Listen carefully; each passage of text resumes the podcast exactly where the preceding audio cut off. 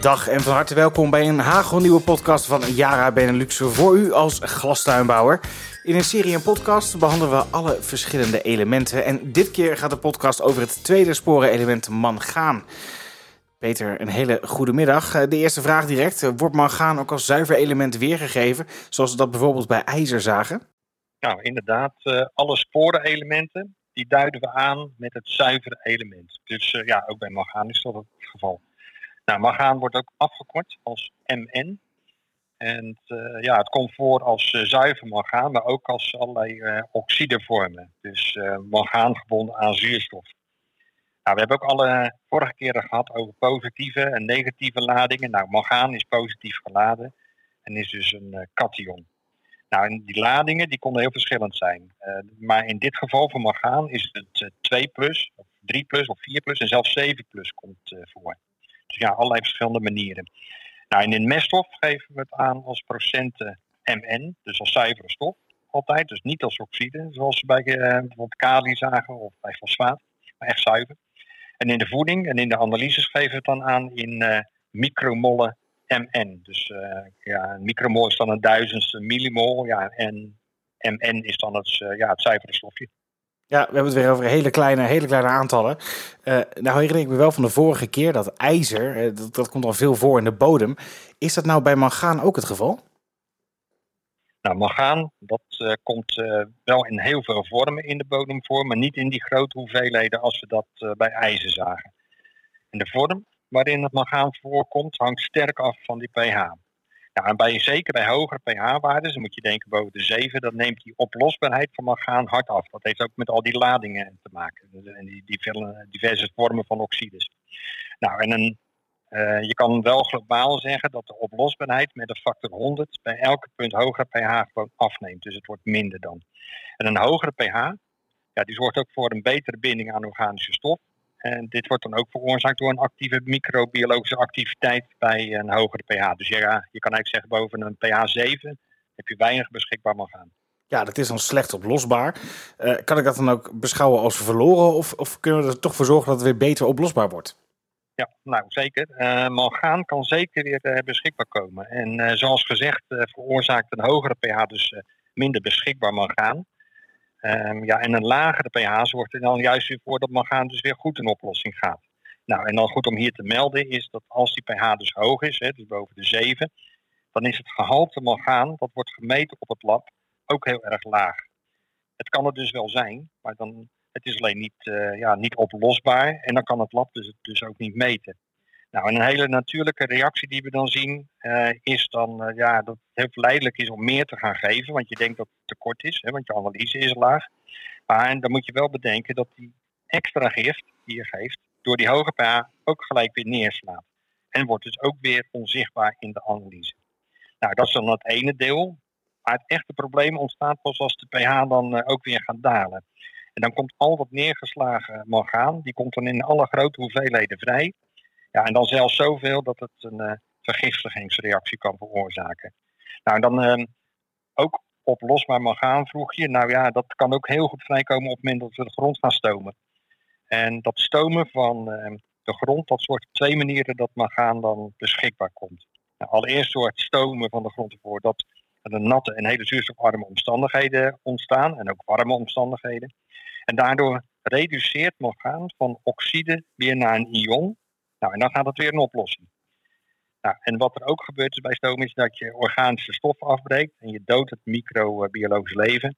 En dat zorgt er ook weer voor dat mangaan vrijkomt. En dat kan er dus ook weer zoveel zijn door die beide uh, ja, uh, methodes of door, beide activiteiten, dat dus uh, weer overmaatverschijnselen kunnen optreden. Nou, en daarom wordt dan ook altijd na het stomen goed doorgespoeld en belucht. En dan maak je het mangaan overmaat, ja, dat, dat beperk je eigenlijk doordat je het weer een beetje vast gaat leggen. Nou, tenslotte is het ook zo dat die mangaan uh, uh, ja, opgenomen kan worden door de plant. En die plant kan zelf gemaakte gelaten maken. En die, uh, ja, daarmee kunnen ze het toch weer beschikbaar krijgen. gaat het mangaan dan samen met het gelaat naar binnen of werkt het anders? Nou, mangaan gaat als mangaan 2 plus, dus als ion gaat het de plant in. En het gelaat blijft dus buiten. Nou, en ik had de vorige keer met het ijzer al een keer verteld dat gelaat is te vergelijken met een soort kartonnen doos waarin je spullen vervoert. En mangaan, dat in dit geval dus, dat wordt dan dus uitgepakt, kan je zeggen. En die doos die blijft buiten. Dus alleen het element gaat naar binnen toe. Nou, over het algemeen neemt de plant wel, trouwens ook veel mangaan op. Veel meer dan eigenlijk echt nodig is. En ja, dat gaat vrij snel. Dat, hij kan het goed transporteren. En hij transporteert het naar boven door het uh, xyleem, zoals we dat zo mooi noemen. En dat zijn dus de vaten die uh, de water en de voeding van de wortel naar boven transporteren. En het is dus niet erg dat die plant meer opneemt dan dat hij echt nodig heeft? Nee, dat, uh, dat, dat blijft toch redelijk binnen de perk. Dus dat is inderdaad niet het grootste probleem. Ja, tenzij we natuurlijk veel te veel geven, dan gaan we natuurlijk in de overmaat. Ja, ja. En als die aanvoer in een plant nou, nou stagneert, hè, om de een of andere reden, wat ga je dan zien aan het plant? Nou ja, omdat die uh, mangaan aankomst in dat uh, blad dus uh, ja, slecht weer mobiel gemaakt kan worden. Dus het wordt wel makkelijk opgenomen, wordt goed getransporteerd, maar het is slecht mobiel te maken als het eenmaal aangekomen is op de plek waar het wat moet doen. Nou, en daardoor is dus die herdistributie die is dus heel beperkt. En dat betekent dat ja, als de aanvoer stagneert, dat de plant dus niet uit de oude delen de mangaan vrij kan maken en weer naar de nieuwe delen kan sturen. Nou, dat heeft dan als gevolg natuurlijk dat de jongste delen van een plant uh, het gebrek uh, van mangaan laten zien. Een gebrek van mangaan, hoe, uh, hoe uit die zich? Wat zijn de verschijnselen daarvan? En dan ben ik ook direct wel even benieuwd naar de functie van mangaan in de plant. Ja, ja, ja die, die functie waren we inderdaad bijna vergeten te vertellen. Ja, dat, nou goed, daarmee te beginnen. Het, um, mangaan dat geeft, neemt deel in allerlei ingewikkelde functies. En om het een beetje kort te houden, komt het erop neer dat mangaan deelneemt aan allerlei biochemische reacties in die eh, fotosynthese. En dat zorgt dan onder andere voor elektronentransport en voor allerlei redoxreacties. Nou, dan aardig denk ik om hier te vertellen is dat mangaan als deel van een uh, enzym helpt in het begin, helemaal in het begin van de fotosynthese. En dan splitst het water daar en daardoor komt er ook zuurstof vrij. Nou, dat hebben wij dan weer nodig. Dat wordt uh, de zogenaamde heel-reactie uh, genoemd voor mensen die dat willen nazoeken. Ja, en tenslotte we gaan ook deel in eh, de ademhaling, dus in de verbranding van de plant, zeg maar, en in de, ja, in de echte opbouw, in de eiwitsynthese. Nou, en dan uh, ja, vroeg je ook naar ehm, je eerste deel van je vraag, van wat zijn dan die gebreksverschijnselen? Ja, mangaangebrek is eigenlijk dus weer een verstoorde fotosynthese. Het blad kleurt geel, uh, wat dan trouwens niet zo mooi egaal verdeeld is over het blad uh, als bij ijzer het geval is. En mangaangebrek geeft uh, ook nog een keer wat afstervende plekjes op het blad. Nou, en wel, ja, het, het, lijkt in het beginstadium, als je echt alleen maar puur naar het blad kijkt, lijkt het een beetje op ijzergebrek. En het lijkt ook nog zelfs wel op magnesiumgebrek. Dus, dus puur als je een blad ja, op zich neemt.